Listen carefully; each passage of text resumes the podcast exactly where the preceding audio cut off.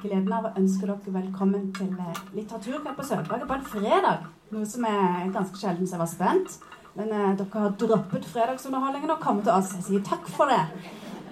Men så er det jo en staselig kveld vi har foran oss òg. Vi er utrolig glade for at eh, eh, Carl Frode Tiller har tatt seg tid til å komme til oss i en travel bokhøst, der han har blitt overveldet av fantastiske anmeldelser for den nye boken sin 'Begynnelser'. Eh, vi er òg så heldige at eh, psykiater og forfatter Finn Skårderud eh, har takket ja til å samtale med han. De kjenner hverandre fra før, er trygge på hverandre, så da er jeg sikker på at det blir en fin samtale. Så eh, jeg skal ikke dra det ut. Eh, det er veldig kjekt å ha dere begge to her, så da gir jeg dere ordet. Fyr løs!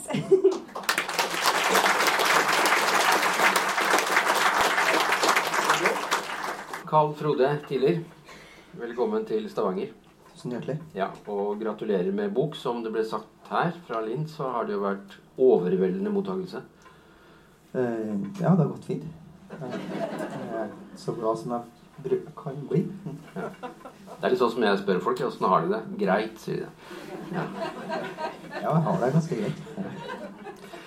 Eh, vi skal snakke om den boken. Eh, vi skal gjerne snakke om resten av forfatterskapet. Eh, det henger sammen. Det er noe sånn tillersk etter hvert. Ja, det er vanskelig å løsrive seg helt fra seg sjøl, så det blir nå det. Uansett hva jeg prøve. Men la oss begynne med årets. Så det er jo ikke alle som har rukket å lese ennå. Skal vi bare si litt om den? Den heter 'Begynnelser'. Hva ligger det i det? Uh, I det så ligger det vel at det er en serie snapshots egentlig fra et liv. Og hver enkelt dag er på en måte en begynnelse. da. Altså Det er en bok som har en litt sånn spesiell struktur, en spesiell form. Den, eh, den går baklengs. Eh, så det er omvendt kronologisk. Eh, det var noe som egentlig skjedde litt sånn tilfeldig. Altså, det begynte egentlig litt som et teaterstykke. Så skrev jeg noen tilfeldige eller løsrevne scener som helt sånn Ja, som, som tilfeldigvis lå i motsatt rekkefølge, da. Og eh, det vanlige da er så klart også klippe og lime og legge dem i rett rekkefølge. Eh, men eh, det gjorde jeg ikke. Altså, jeg prøvde heller å skrive noen scener til og se hva som skjedde. Og det som skjedde, var at jeg som leser ble veldig fokusert på hva, altså hvorfor ting skjedde, istedenfor hva som skjedde. Så jeg ble veldig fokusert på de valgene som hovedpersonen Terje tar til hver tid. Og hvordan de valgene eh, leder frem mot det situasjonen du nettopp har lest om. da. Eh, Så sånn sett så syns jeg også at 'Begynnelser' var en passende tittel, fordi at det Ja. Det, det er ulike begynnelser. Altså, det er en roman som eh, som handler mye om frihet og om, om valg og muligheten for å ta valg. Hvor stor, hvor stor grad har vi et valg? Ja, du legger jo opp til den diskusjonen. Og vi bør sikkert snakke litt om det, men det er jo ikke sikkert han har friheten bestandig til å velge, denne Terje. Nei, nei det har han jo definitivt ikke. Uh, han uh, Etter hvert som vi leser oss bakover, da, så ser vi jo at han både vokser opp i en litt sånn derre familie som legger noen føringer på hvordan livet skal bli. Men også så er det noen arvelige momenter inne i bildet. Altså en, det er en slags sånn arvelig lidelse i familien. Eh, sånn at eh, Terje da, og søstera og mora er alle sammen prega av denne lidelsen. Eh, I boka så er det omtalt som depresjon, men det er kanskje ikke så veldig viktig hva det er, egentlig. Poenget er at det slår dem ut øh, nokså kraftig med ujevne mellomrom. Og at de takler det på ulike måter. Eh, eh, mora hun øh, etter hvert da, begynner å sjølmedisinere seg med alkohol. Men søstera glir inn i en slags sånn ja, en sånn offerrolle der hun mer eller mindre dyrker den lidelsen. Mens fokuset på hovedpersonen, eller altså hovedpersonen eh, Terje, han eh, er fra tidlig av veldig sånn Uten at han vet det sjøl, men veldig bestemt på å bryte det dette mønsteret som den lidelsen og oppveksten pålegger ham. Og, på å ta styring over eget liv. Så det handler mye om det. Og eh, du vil jo etter hvert se da, som leser at uh, han i stor grad lykkes også. Han uh, I motsetning til søstera f.eks. så greier han jo å ta seg utdanning etter hvert. Uh, han utdanner seg til biolog. Får seg jobb hos Fylkesmannen i Sør-Trøndelag, der han jobber med å ta vare på utrydningstrua arter og trua natur. Og han får seg familie som ja, som han er veldig glad i, og som er glad i han. Eh, men likevel, da, så, har han det dette eh, lidelser, for noe å kalle det, som slår inn av og til. Og som gjør det veldig tungt. Ja. Vi kan snakke litt om dette etter hvert, men altså, vi ødelegger jo ingenting for noen lesere hvis vi sier, Du sier at det går ganske bra for dem, men bortsett fra at han tar livet sitt. Ja, det er ikke bra. Eh, for, men det spoiler vi ikke her nå, på noe vis, for det står i alle anmeldelser, og det er på en måte et premiss i boka. At det skjer i første kapittel. Ja. Men så er det liksom livet han levde før det, helt til vi møter Terje som en liten gutt. Mm. Det er vel fristende å si at det er en gutt som Det er mye han ikke har fått her i livet. Altså du sier noe med Det er noe trygghet han ikke har fått, det er noen belastninger, det er et sosialt ganske slitsomt liv. I dag ville deler av det livet hete Nav i familien, uten at det skal ha noen negativ valør. På en måte så er dette underskuddsforetakene på mange måter. Ja. Nei, altså eh, det, det kjedelige er jo for den familien at far eh, forsvinner et ganske tidlig tidspunkt fordi at han ikke makter egentlig livet sammen med psykisk syk mor.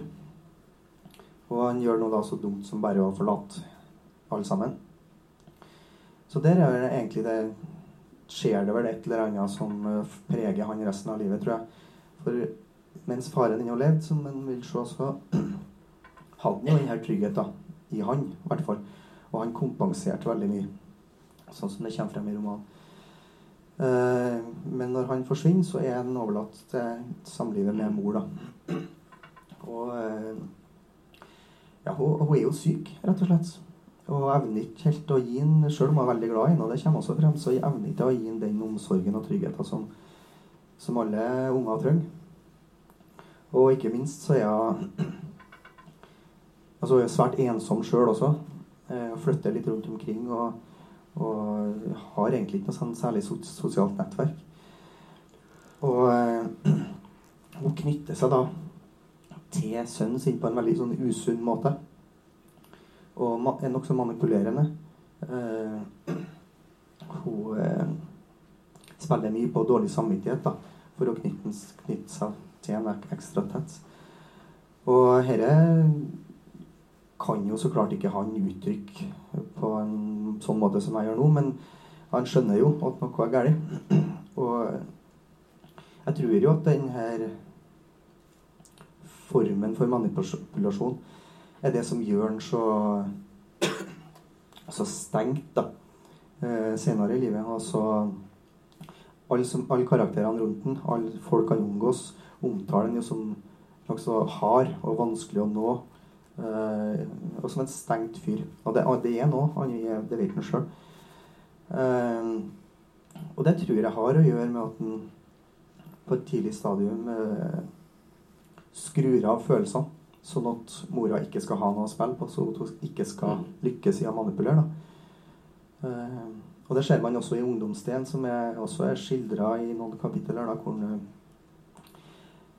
nærmest dyrker det å være uh, uten samvittighet, som de kaller det. Og, og, som ender da med en del sånne rå voldshendelser og en del eh, ja, og mye bruk av rus og driver det så langt at en til slutt eh, skjønner at eh, her må vi ta grep, om ellers går det ordentlig galt. Men han tar seg inn. Han, han, han får ja. jobb i fylkeskommunen. Ja, ja det er fylkeskommunen Og. Blir en dyktig fagmann. Eh, min lesning altså Du vet jo veldig godt at jeg er en stor beundrer av ditt forfatterskap. Jeg kan snakke mye og lenge og vakkert om din litteratur. Men jeg har også spurt deg om det før. Eh, hvordan i all verden vet du så mye om meg og de andre? Eh, altså, du har jo en psykologisk innsikt som er ganske påfallende. Eh, skjønner du det sjøl? Altså Det er jo sånn Du er langt inne i mikropsykologien til mennesker. Nei, jeg, jeg skjønner ikke helt det, hvorfor folk ser det. Men, eh, men jeg tror det har å gjøre med at eh, jeg Altså, jeg er ikke sånn at jeg skjønner folk rundt meg, eller observerer folk rundt meg og liksom iakttar og bruker det i litteraturen min. Det er i veldig liten grad. Det er alltid sånn at jeg Altså, jeg er mye mer vendt innover mot meg sjøl.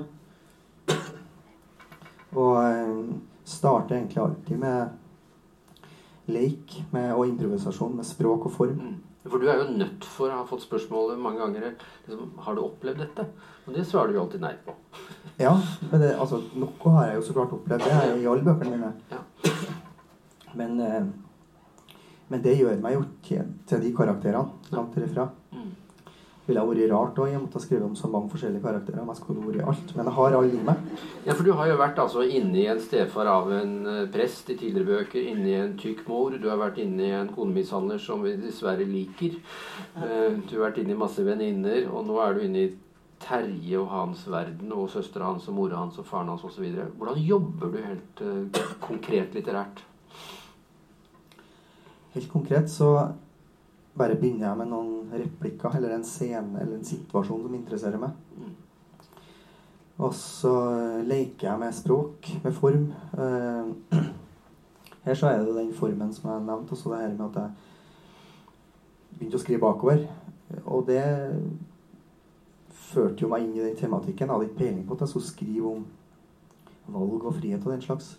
Eh, Det var det formen som fikk meg til å gjøre. Og sånn er det egentlig bestandig. Det er leken med form og sånn som, eh, som eh, lager bøkene. Ja, som, eller som er bestemmende for innholdet, i kanskje i større grad enn motsatt. Og det er det samme med karakterer. Da jobber jeg veldig mye med ofte med rytmikk. Hva betyr det at du gjør det? Nei, også jeg, eh, jeg skrev f.eks. han konemishandleren som Ja. du snakker om. Så hadde jeg bare satt og leka med å prøve å ødelegge språket mest mulig. Eh, Sånn syntaksen gjør det ekkelt å lese, rett og slett. Skriv det som norsklæreren ville sagt. Det var veldig dårlig norsk. Eh, og da skjer det noe i meg. Altså da Da blir jeg kjent med med en stemning, da. Mm. Eller med en stemme i meg. Som gjør det lettere å hente frem sånne karakterer som det der. Sånn er det veldig ofte at jeg jobber frem ulike karakterer. Sammen med 'Skråninga', som var om en Debuten din? debuten min, ja. Mm. Som er da en bok om en psykiatrisk pasient. Den begynte jo som en, en bok som ligna mye mer på mitt eget liv, sånn som jeg levde da. Eh, altså om en student som levde en nokså sånn isolert tilværelse. Og så hadde jeg en idé om at jeg skulle prøve å, å lukke inn hver setning bak to, bak to punktum. På samme måte som han var lukka inn i sin leilighet. da. Eh, det fungerte ikke, men det som fungerte, var, eller det som skjedde, var at eh, tempoet i, i språket ble utrolig høyt. For det ble veldig korte setninger. Altså korte setninger med punktum? Ja, veldig korte setninger. Og når jeg leste det da, så fikk jeg en sånn føl litt samme følelser som jeg får når jeg blir redd. Ja. Og jo mer jeg skrev, jo, jo bedre Jo mer følelse av paranoia fikk du. Eller fikk jeg. Og da skjønte jeg at, han, at jeg skrev frem en psykisk, stemmen til en som var psykisk syk. Uh, og da ble jeg mer og mer kjent med han, bygde inn, og det prega naturligvis også innholdet, handlinga. Forandra den i den altså, altså, på en måte som passa til det. da. Mm. Eh, og så ble det ei bok om ja, en psykiatrisk pasient. Så ved å fjerne kommaene så måtte han på institusjon? altså? Ja. Pass, pass på kommareglene, det er veldig viktig. Husk om her, folkens. Eh, jeg skal ikke tulle med alvor. Eh, det sier jo noe om din metode. Ja, Men altså at du, du skriver deg via form, sier du, inn i følelser. Men du har jo vært i alle følelser. Jeg har lest eh, alle bøkene og utgitt. Ja. Du er i alle. Ja, men man, ja. ja, er det, og det er jo ikke bare å sitte og leke med språket. så klart. Du må jo være- lytte veldig, da. Ja. Og kjenne etter. Hva er det her, her gjør med deg som leser? Hva er det hva er det det vekker i meg når jeg sitter og skriver? Ja. Så er det jo litt sånn, blir jeg jo litt som, som skuespillere som snakker om at de eh, en sånn method acting, altså at eh, man må finne ting i sitt eget liv, bruke Mm. det. Eh, tenk på situasjoner der du har Mm. opplevd noe tilsvarende, og så leit i de følelsene og hente dem frem. Og forsterke og forstørre, eller eventuelt forminske. Og, ja, så det er en sånn omhyggelig prosess. Da er du på veldig spennende vis, tenker jeg, da inne i mye av faget mitt og faget til også andre her. Det har jo vært en hel uke med det som heter Schizofrenidagene i Stavanger, som jeg pleier å si er Nordens beste og morsomste psykiatrifestival. Eh, der er vi jo nettopp veldig opptatt av følelsesbevissthet, eh, følelsesregulering, følelseskontakt, fordi det er hensiktsmessig istedenfor avstengthet, tabuer osv. Så, videre. så du jobber helt konkret med dette. Eh, Hvordan, eh, hva skjer når du vet at er ti minutter til unga kommer hjem fra skolen, da, og du har skrevet deg inn i en voldelig fyr? Uh, ja eh, Altså, det er jo ikke jeg, jeg blir jo ikke disse karakterene, men det er sånn at når du er veldig lenge inn i ei stemning, og du har jobba jobba lenge for å hente ut akkurat de følelsene, så er det ikke bare å skru av sånn tvert, sjøl om jeg har utarbeida en del sånn ja, teknikker for å, for å gjøre det. da. Uh, altså, jeg- som sånn ytre ting. Altså at jeg mm, sitter på samme plassen bestandig og jobber. Jeg er ikke sånn som kan gå på kafé og sånt. Uh, det er veldig mange sånne småting som jeg må gjøre for å koble av best mulig. da. Eh, ha mest mulig lik hverdag, må jeg egentlig ha. Okay. Eh, men ja, nei, altså det er ikke bare å, Det forsvinner ikke med en gang når du har sittet og vært sint holdt jeg på å si, hele dagen. Så, så tar du det med deg når du går opp på kjøkkenet òg. Mm. Men uh, uten å overdrive. Men det er, altså, jeg kjenner meg veldig godt igjen i altså, Det er litt sånn eh, at man blir prega av de karakterene du skriver om. Ja. Så sånn sett så kunne jeg gjerne skrevet om noen lykkeligere personer en gang iblant, men det, det blir ikke sånn. Men det er jo ganske fantastisk yrke på en måte, da, å drive og sette seg inn i hodet til en rekke forskjellige mennesker. Altså, jeg tenker jo Det er på mange måter et humanistisk prosjekt å drive og forsøke å forstå sinn og forstå forhold mellom folk. Det var et kompliment. ja. ja. Nei, jeg, jeg, um, jeg syns jo det sjøl òg, Ja. at det har en veldig sånn etisk side ved seg. Og det, Ja, det er etikk. Ja. Det å, og det er noe med romanen eller litteraturen generelt sin De mulighetene den gir da, til å gå inn og dikte seg inn i og leve seg inn i livet til noen som har, lever helt andre, liv enn du sjøl gjør. Og prøve å forstå det. Gli inn i det. Eh, Det er viktig. Og så er det noe med at jeg Ja, hva skal jeg si Jeg tror at etter alle årene som forfatter, så har jeg i hvert fall forstått også at mitt eget liv kunne vært helt annerledes hvis jeg har havna i de samme situasjonene som mine karakterer gjør. Da. For jeg kjenner så godt på at jeg har de her stemmene i meg. Har dere, jeg har de samme karaktertrekkene, bare at de kanskje har ikke kommet så lett til overflata. Så hvis faren din hadde stukket av, så kunne du ha endt der hvor Terje er. Ja. Kanskje vi har disposisjonen. Ja, Jeg jeg er disponert for det, eh, å bli sånn som han. Ja. Men eh, heldigvis så vil omstendighetene annerledes. Men også der ligger det også en etikk i, liksom, tenker jeg. Ja. Altså at man man kan uh, lettere forstå livet til dem som ikke har det så greit. Ja, Ja, så det er ikke bare valg, det er også litt flaks og uflaks hvis du er unge. ja, ja definitivt. Ja. Det er det også.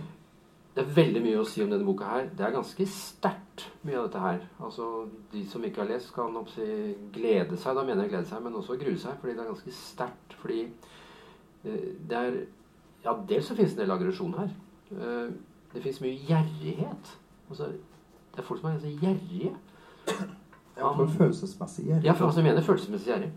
At liksom, nå fikk jeg lyst til å smile, men den skal hun ikke få. Eh, nei. Og Nei, nå skal jeg passe på så Det ser ille ut. Selv om det er bra. si litt om det der. Altså, det er en smålighet i Terjes familie. De unner hverandre veldig lite. Ja.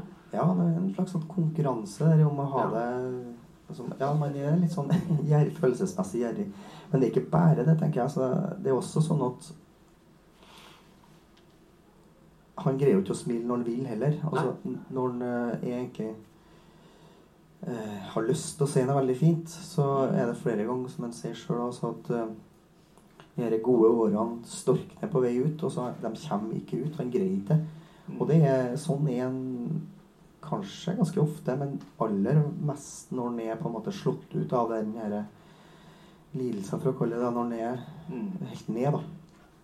Ellers så er det jo Så viser en jo også stor omsorg eh, Absolutt, overfor barnet og, og kona også. Eh, Stor kjærlighet. Men, eh, men han er ikke noe flink i lag med folk. Eh, Det er vel ingen i familien Så som jeg er syns det. ingen av er noe spesielt sjenerøse. Altså, derfor sa jeg ut underskuddsforetakene. Mm. Det er som om de har for lite, og da holder de på det lille de har, og så gir de det ikke fra seg.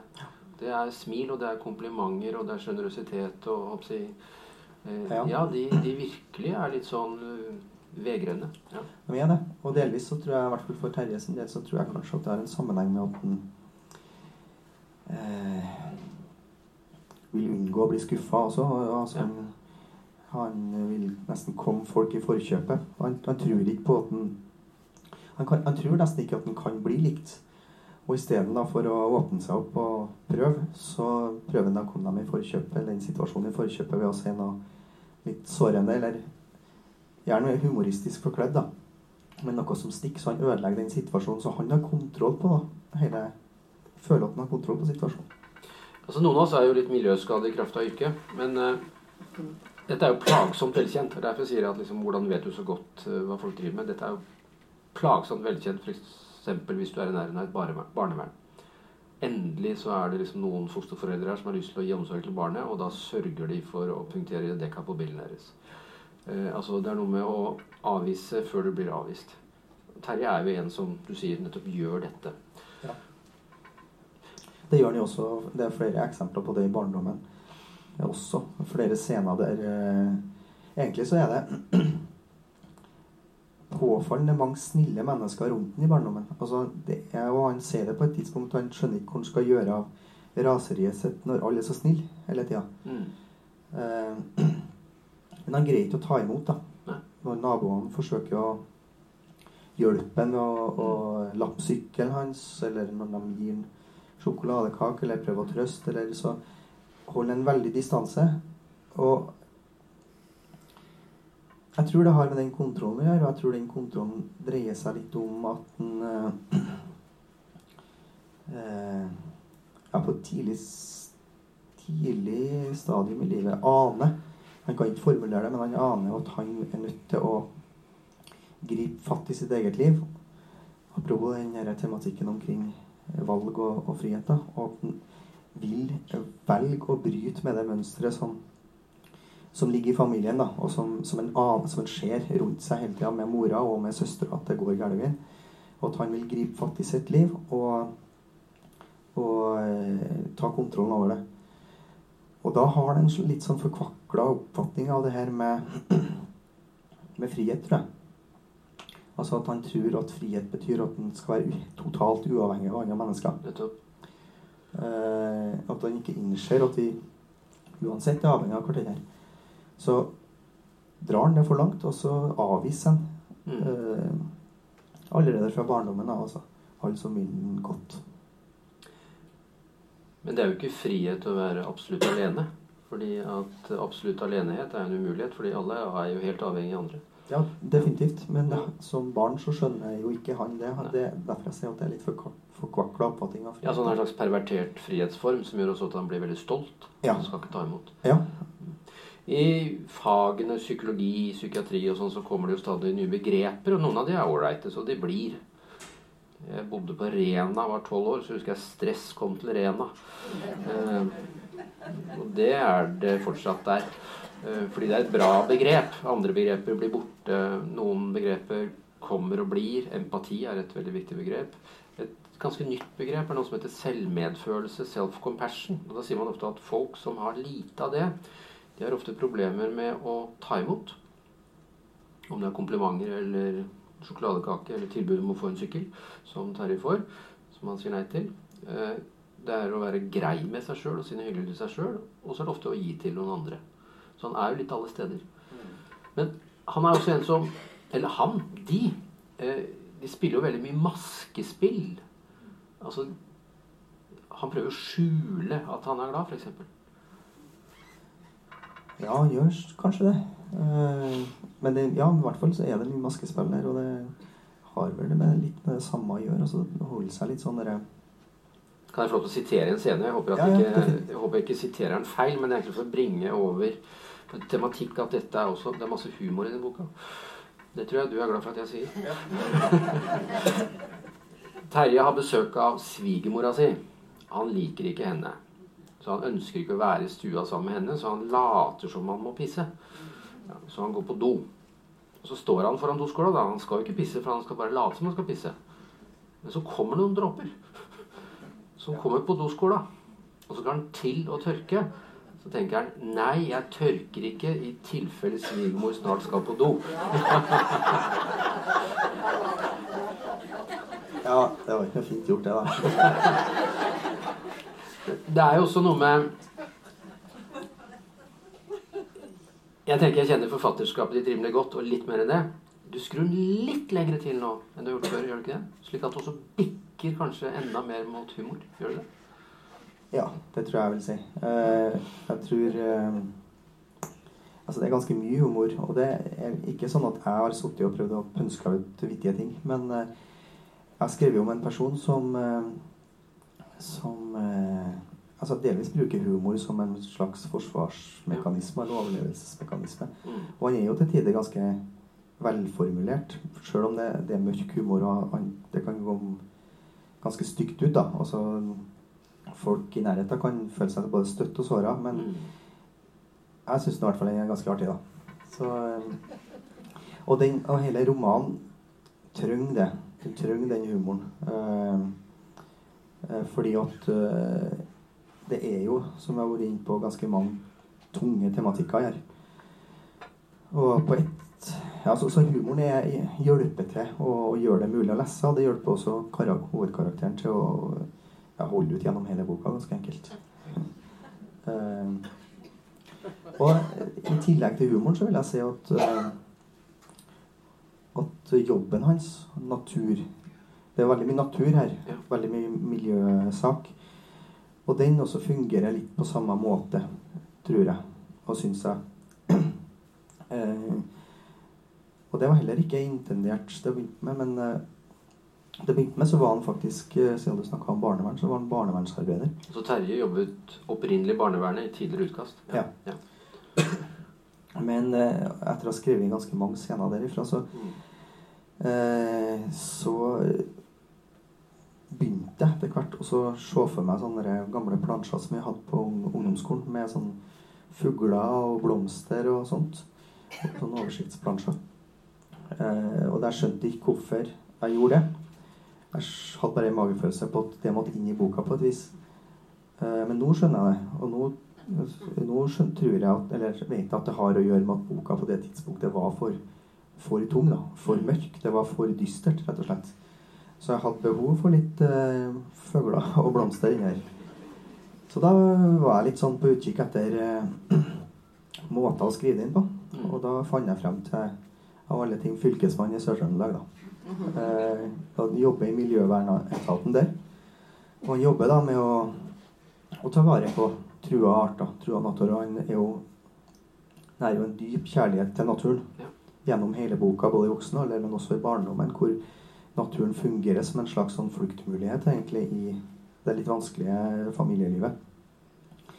Hvor eh, også tenker mye omkring det her at Man ser det vel på noe tidspunkt i det blir ungdomsdelen, da, men at når en er ute i naturen, så er, så, så er det ingen som forventer noen verdens ting. Du bare er der. Så sånn sett så har det en slags sånn meditativ funksjon for en, og, og der slipper en all alle disse eh, strategiene og mekanismene som, som får en til å holde maska og bli den litt strenge, kalde fyren som en er når han er sammen med folk. da. Der er han bare helt avslappa. Så den naturbiten er svært viktig i boka for han, men igjen også for leseren. Altså for Ja, og det er veldig fint.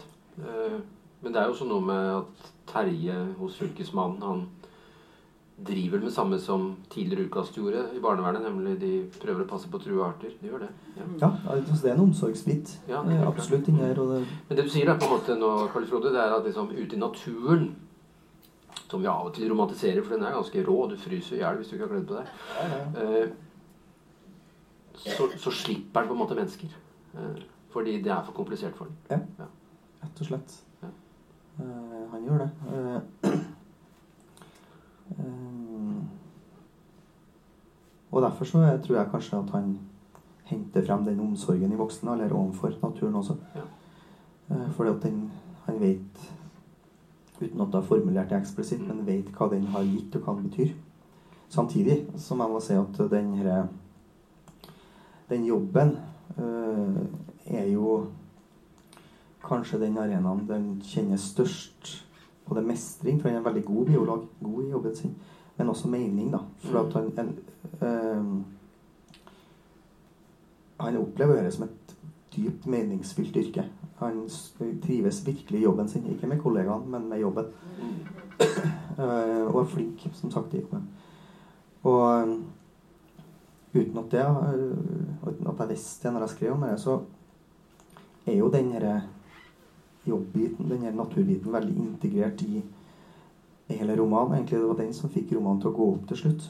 Fordi at plutselig så så jeg at det, det er jo to selvmord. Han tar sitt eget liv, men det er også det kollektive selvmordet som du har gjennom klimakrisa, da, som en slåss mot. Og det er det herre eh, perspektivet på det å ødelegge det vi er fullstendig avhengig av, eh, som vi gjør med natur, men eh, som han også gjør da med folk som står nær, og som han er glad i, og som er glad i han. Han ødelegger jo på en måte alt rundt seg. Så eh, Ja, det er også tydelig, tydelig for meg nå, men ikke mens jeg skrev det. Eh, Da hadde jeg bare en følelse av at det passa i lag. Det er mange temaer. Vi var inne på frihet, men så sier du det er jo forkvakla frihet. Du sier 'velge', men velger han egentlig? Altså er han nesten skjebnebestemt til å velge feil? Et annet begrep som du har vært inne på, som jeg blir veldig opptatt av når jeg leser deg, det er jo hele dette med kontroll. Altså Vi er veldig opptatt av kontroll, men så har vi ikke kontroll, og så tåler vi ikke å ha kontroll, og så blir vi overdrevent opptatt av kontroll, og så begynner vi å overdrive det. Men så setter vi gang, og så mister vi kontroll. Bare husk et eksempel fra innsirkling 3, hvor det er et par som skal gifte seg. Så blir hun så begeistret for bryllupsforberedelser at hun egentlig glemmer brudgommen. Så blir han veldig krenket over å bli oversett, og så, så han ljuger på seg at han har MS. Ja. Jeg tror ikke de ble gift, for å si det sånn. Eh, Men da, da mister jo folk Altså, det starter med et lite grep, og så mister du kontroll over det som skjer. Og så bare skjer det. Det er jo tillersk. Det er ganske spenningsfullt. Det er ganske drama. Det er en forfatter i Norge som heter Nesbø. Han, han, han sier 'Carl Frode Thriller', sier han. Eh, Er du med på det? At liksom, det, er, det er ganske dramatiske ting du setter i gang, hvor det er lite feiltrinn det starter med. Ja, veldig ofte så er det det. Ja. Eh, Veldig, og det er ofte litt sånn der jeg leter etter det Eller begynner å lete, da, i det helt sånn hverdagslige. Hvor det utløser ting som Ja, jeg bruker det hverdagslige til å egentlig skrive frem ting som er mye større og mye alvorligere, naturligvis. Eh, Men uten at jeg reflekterer så mye over det heller mens jeg skriver sånn. eh, Men dramatisk, spennende, ja Jeg er ikke sånn at jeg er ute etter spenning, men eh, jeg er ganske sånn dramatisk orientert i skrivestil. Bruker mye konflikter. Det er det som driver handlinga fremover. da. Eh, ofte sånne konflikter som foregår på inni huset, holdt jeg på å si, som kjøkkenbenk er realistisk. Eh, men som tar av, og så plutselig så er du inne i det store spørsmålet. Eh, det er på en måte en strategi som jeg bruker for alt det er verdt. Ja, alt, alt begynner med noe. Ja. Ja. Eh, og i og med at jeg jobber på den måten jeg gjør, så altså jeg planlegger jo aldri Jeg vet jo aldri hva jeg skal skrive om. Mm. Så da begynner jeg alltid med sånne små scener fra omgivelser som jeg kjenner godt. Alla Ja, sånn som her når mora og sønnen sitter, og så hun kommenterer at det snør ute, og og sier det flere ganger uten at han sier noe. Han skjønner så klart at hun vil jage han ut av Mokkagården. Mm. Uh, og det er en sånn utsagt spenning der som trigger et eller annet i meg. Som er en innfallsport da, til å bli skrive videre på karakterene, bli kjent med dem og, og skrive meg inn i større problematikker. Jeg skjønner at du også skriver teater. Ja. Du har en dramatisk nerve her. Ja, altså dette begynte jo som et, og har vært et teaterstykke, faktisk. Eh, Riktignok eh, ganske forskjellig fra sånn som boka har vært, men det begynte jo som et oppdrag for Trøndelag Teater. Det er jo noe dilemma da, hvis mor tenker at kjære sønn, kan ikke du måke snø? Men det sier hun ikke. Hun sier 'oi, det snør visst ute'. Som om han skal skjønne. altså, De er jo veldig beregnende, mange av disse skikkelsene, men de feilberegner jo hele tida. Altså, det går ikke sånn som de vil. Altså, De setter i gang, og så får de feil konsekvens. Han går ikke ut og måker snø. Ja, han gjør det til slutt, da. Ja. Men eh, da er det etter at han føler at han har vunnet den situasjonen. Ja, Liksom. Så, ja. så kan han gjøre det. Så da er det en kamp. Ja. Ja, det er en stadig kamp mellom Mor har hatt besøk av det som kanskje er en kommende kjæreste, og han har satt en ny vifte på badet. Mm. Terje er kjempefrustrert for at den virker. Ja. ja jeg syns ikke noe om det. Den virker dessverre. Den virker dessverre, står det. Ja. Så det er virkelig en brutal kamp på det helt banale som sitter på kjøkkenbenker og snømåking og Mm. dårlige, billige vifter. Ja. Ja, ja, det er det. Mm. Eh, Men så ser jeg etter hvert som jeg skriver frem det her tingene, at det ligger jo noe Ja, i dette tilfellet med den vifta, f.eks., så er den jo er lett til å tenke til med en gang at den er sjalu, da. Eh, Men jeg tror ikke det er det det handler om. Jeg tror med i utgangspunktet for han så er han redd for at mora skal begynne å drikke igjen. For her er han i en hvit periode, og han fyren der vil ha meg ut på byen en fredag. Eh, Da aner jo han Så da er den omsorgsbiten inne i bildet også. Eh, Men det greier han jo aldri å si til mora, da. Så det, det kommer jo litt dårlig ut.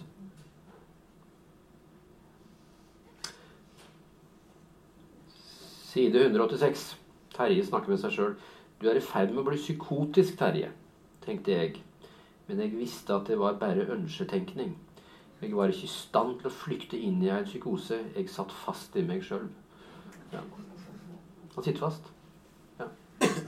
Ja, han gjør det. Det er ganske eh, Ja, så når du tar det og ønsker deg inn i en psykose, da er du litt lost altså. Nei, men det er ikke sikkert det er så uvanlig. Kanskje ikke psykose, da, men altså Jeg prøvde å finne på et ord en gang. Jeg var egentlig ganske fornøyd. Manglende sammenbruddskompetanse. Det er, ikke, det er ikke alle som klarer å bryte sammen. Nei, det, ja, men det, det han definitivt og Det tror jeg faktisk kan se ganske tidlig også. Ja. At han var ikke i stand til å bryte sammen. Nei. Og det ligger ikke for han å bryte sammen. vel. Det er mange som ikke klarer det. Eh, Men han ønsker seg dit. Ja, fordi det er en slags, det er en slags frihet. Det er en slags frihet. Og så Ja. tror jeg at bak der igjen så ligger det også et ønske om Eller jeg tror på at da kommer det noen og plukker deg opp, liksom. Ja. Nettopp. Når du slipper Og kanskje søstera har litt mer av den friheten. Hun pakker seg inn i masse diagnoser. Ja. Ja. Som er en slags beskyttelse som han ikke har. Han er tross alt en velfungerende far og naturverner hos fylkesmannen. Ja, og så har han jo Han har jo tatt ansvar for Ja. flere enn seg sjøl også, så i motsetning til søstera, så det ligger vel Det er vanskelig å gi slipp på den derre Ja. Eller vanskelig å bryte sammen av den grunn også. Du sier at det er en sykdom i familien. Det er du som sier. Det er, jeg er ikke av de som er mest opptatt av å diagnostisere folk. Men han mangler noe. Du må ete, Terje, sa hun. Jeg har ikke lyst, sa jeg. Det eneste jeg har lyst til, er å ha lyst la jeg til Ranna. La jeg til. Jeg flirte med det samme. Jeg hørte hva jeg sa. Så idiotisk, mumla jeg. Det eneste jeg har lyst til, er å ha lyst til et til Ranna. Vær så snill å skyte meg før jeg begynner å sende dikt til Adresseavisa. Det er både komikk og dypt alvor om det man kan kalle en grunnleggende anhedoni, som ifølge den gamle lege Hippokrates var det fremste tegn på depresjon. Fravær av lyst. Ja. Ja. Ja, det ligner jo Det har noe rett som det. Altså det her fraværet av lyst og den, den maktesløsheten. da. Eh, Men her er jo nok et eksempel på at han prøver å løfte seg opp etter håret, Ja. omtrent med humor. da. Mm. Eh, Men nesten alltid de humoristiske kommentarene når jo nesten aldri ut til andre folk. Det er jo bare han som hører det. Så det, da er litt av vitsen borte også. Men eh, Mm. Det er hjerteskjærende. Det er veldig godt. Eh, hvis jeg skal si andre ting, det er en grunnleggende brist på tillit i det systemet. Du har skrevet tillit før. I bind tre av eh, innsirkling så begynte plutselig hovedpersonen å få tillit til verden. Jeg mistenker forfatteren Carl Frode Tiller for å ha lyst til å skrive 'tillit' inn i bind tre, fordi vi hadde opplevd mistillit i Norge etter Breivik. Jeg mistenker ikke det fordi jeg er så god til å tenke det, men fordi du har sagt det til meg før. Ja, ja det stemmer. Altså Innstilling 3 ble litt prega av det 22. Ja, Da må vi begynne å stole på folk. Ja. Ja. Og det var også en konsekvens av at jeg skrev inn en psykiater der som satt og snakka med, med David da, som Mm. innsirkling. Og det første man liksom Ikke til forkleinelse for deg og Yrke, men eh, det første man liksom tenker som forfatter når man skal skrive inn en psykiater, det er at man skal ja, på et eller annet nivå ta et oppgjør med psykiatri. Gjerne for min. Ja, ja, ja. Men samtidig så, så Ettersom jeg skrev meg mer og mer inn i de samtalene, så så jeg at denne den samtalen som han hadde med psykiateren, faktisk virka. Mm. Eh, og da er det for dumt å liksom skal prøve å presse det i en negativ retning. Så, så den boka ender litt på en slags positiv måte med at han faktisk eh, når noen nye innsikter gjennom de samtalene og skjønner jo at et av hans store problem er at han alltid har vist mistillit til dem rundt seg og til seg sjøl også. Mm. Så, så han, han bestemmer seg i hvert fall for å prøve, da. Ja. Det er vel det det slutter med. Mens her er vi i en slags type utrygghetens, mistillitens landskap. Eh, Du sier det er en sykdom som går i familier. Vi kunne finne på et nytt ord. En sånn verdslig arvesynd. Det går gjennom generasjonene. Hva skulle til for å redde Terje, tror du? Oi, ja, Det tror jeg du er bedre i stand til å svare på enn meg. Men uh... Ja, Det er faktisk det vi prøver på. ja, ja. Det er jo det dere Altså. Stanse arvesynden. Mm. Den generasjonen drev med dette, den generasjonen drepte. Der er det tap, der er det mangler, der er det tristhet, der er det vold, der er det alkohol, der er det heroin. Hvordan kan vi redde neste generasjon? Ja, Mm. Det er, det er jobben. Ja. Nei, altså, jeg tror jo det som i hvert fall kunne hjelpe, det er å fått overbevist ham om å snakke.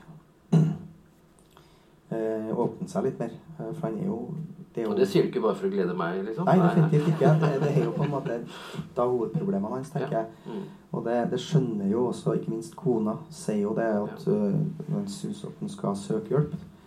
Det er vel i den samme scenen som den du leste fra i stad, altså når han ligger der og prøver å, tulle bort øh, at den er så langt ned med at den skal skjøte, meg noen før jeg sender dikt til adressa.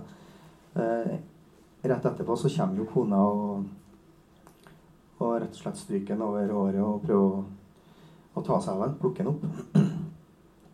Eh, og sier at den burde oppsøke hjelp. Det tror jeg han skjønner veldig godt også at han burde, men eh, det sitter for langt inn. Altså, han er på en måte for opptatt av å greie seg sjøl. Han har låst seg så fast i det her som vi snakka om tidligere i barndommen. Da, altså at, eh, at han skal lykkes, han skal greie her på egen hånd. At det oppleves som et nederlag sjøl. Hun sier at hun sier det er jo ikke noe nederlag, det. Og det sier nei, det er så klart ikke noe nederlag. Men jeg tror han opplever det sånn uansett. Så uten å legge ord i munnen på deg, så har han altså fått en sånn misforstått stolthet, på en måte. da. Altså Man skal ikke være avhengig av noen. Ja, jeg tror det. Ja. Jeg tror det er Mm. en viktig mangel også, eller en viktig problem hos den. Han er ikke den eneste som har det. Det er mange som går rundt og er stolte på Ja, et er jo- misforstått grunnlag. Ja, ja. Altså, det er vel Mm. et sånt samtidssymptom, holdt jeg på å si. I, eh, det her, når vi har så mange blikk på oss gjennom sosiale medier og overalt, det her med å vise seg fra sin beste side til hver tid, og eh, jobben vi gjør for å, å prøve å, å gjennomføre det. Ja, det er vel Hver eneste kultur på kloden driver liksom og lager en balanse mellom alene og sammen. Og av og til så er det for mye sammen. Altså Det blir veldig konformt. Vi bikker vel mer mot at det blir litt for mye alene. Eh, og da blir det fort ganske ensomt. Og så blir det av og til skamfullt at man f.eks. skulle be om hjelp. Altså Det syns man er pinlig. Ja. Ja, ja, vi er jo litt i det landskapet der, da. Mm. tenker jeg. Uh, uten at jeg har uh, heller ikke her tenkt på han som et sånn moderne menneske, at jeg skal skrive om den tematikken. Men, det, men jeg har jo plassert den i, et, uh, i en samtid. Og sjøl om han nekter å forholde seg til sosiale medier, så, så, så er han jo prega av den tida. Og jeg også, som forfatter er jo prega av den tida. Så det, det tem, temaene her sniker seg jo inn i karakterene mine. Ja, altså det sniker seg. For jeg satt øh, også tenkte sosiale medier et par ganger. Ikke at dette er sosiale medier, men det ligner nemlig det at det er noe som heter Facebook, og hvis det er noe du ikke viser der, så er det ansiktet ditt. Uh, men du setter opp mange ting du gjerne vil vise frem. Enhver som ser på Instagram og Facebook, vet at folk ljuger. Uh, men likevel så blir de rammet av at de har det bedre enn oss. Altså Du vet du ljuger, men du tror på det. Eh, fordi folk driver dette beregnende spillet om å fremstå. Og det er det de driver med her. Og de beregner veldig mye og vil at ting skal fremstå. Men så går det alltid riktig, og så går det veldig gærent andre gangen. Ja, absolutt. Helt enig. Vi skal begynne å runde, Karl Frode. Vi har snakket om kontroll og miste kontroll. Vi har snakket om frihet som kanskje ikke er frihet, men forkvaklet idé om frihet. Vi har snakket om tillit, mistillit osv. Arvesynd. Ja, det er ikke så lett å si hvordan vi skulle redde han, men uh... Nei, eh, spør du meg, så spør jeg deg. Nei, jeg har blitt en dårlig roman da, hvis jeg ble redda. Jeg skal ikke gi deg et problem, men har du tenkt over at det kan være problematisk å selvmyrde en uh, karakter? Uh, på hvilken måte tenker du? Tenker Nei, altså, det... Her er det en som tar livet sitt, ergo da sier man at det er en måte å gjøre det på. Ja, men det tror jeg folk vet. Ja, altså, det er Ja. såpass velkjent at uh, jeg tror ikke det gjør noe fra eller til. Men, og når man leser om og prøver å få en forståelse for hvorfor han gjør det, så tror jeg ingen ønsker seg dit. da. Um, så det, det har jeg egentlig ikke tenkt noe særlig på. For det er ikke noen glorifisering eller av sjølmordet. Uh, det er ikke noe sånn uh, en bok som fremstiller det som en god løsning. vil jeg påstå. Absolutt ikke. Nei.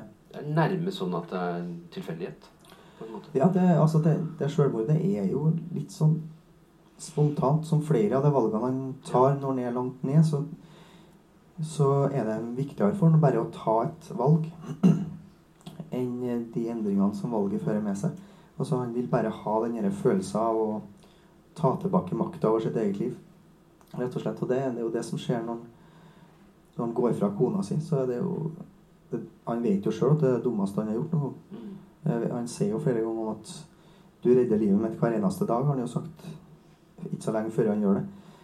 Eh, Men altså, han er såpass maktesløs, og så griper bare helt spontant til å, å gå fra kona, for jeg vil kjenne på den friheten det gir å velge et eller annet. Og litt sånn er det med det sjølmordet også. Det, jeg er ute og kjører bil og er veldig langt ned. Og så legger han merke til at han har ikke på seg bilrim. Eller så belte. Og samtidig så kommer det en trailer imot, og så bare skjer det. Han har tenkt på det tidligere, men alltid slått det fra seg. Så det, så det skjer på en måte ganske spontant. da. Og han får jo panikk rett etterpå og prøver å svinge unna, men da er det jo for sent. Og da sier vi i psykiatrien med et stort alvor at det er en varig løsning på et midlertidig problem. Det er det. Ja, absolutt. Dette er noe av det største som skjer i samtidslitteratur. Det er veldig rikt, det er veldig komplekst, det er sterkt, det er godt. Nå sitter jeg og hyller dette. Og mener fra hele mitt hjerte. eh, Bedre blir det knapt. Eh, Jeg håper ikke jeg liksom blamerer deg når jeg nå gir deg det siste ordet. Takk, sier han. Og, Ja. men det er mange bra bøker ute i år også, så det Det er ikke så mange så bra. Jeg lar deg avslutte. Altså. Tusen takk, Flott, Frode. Ja, tusen takk.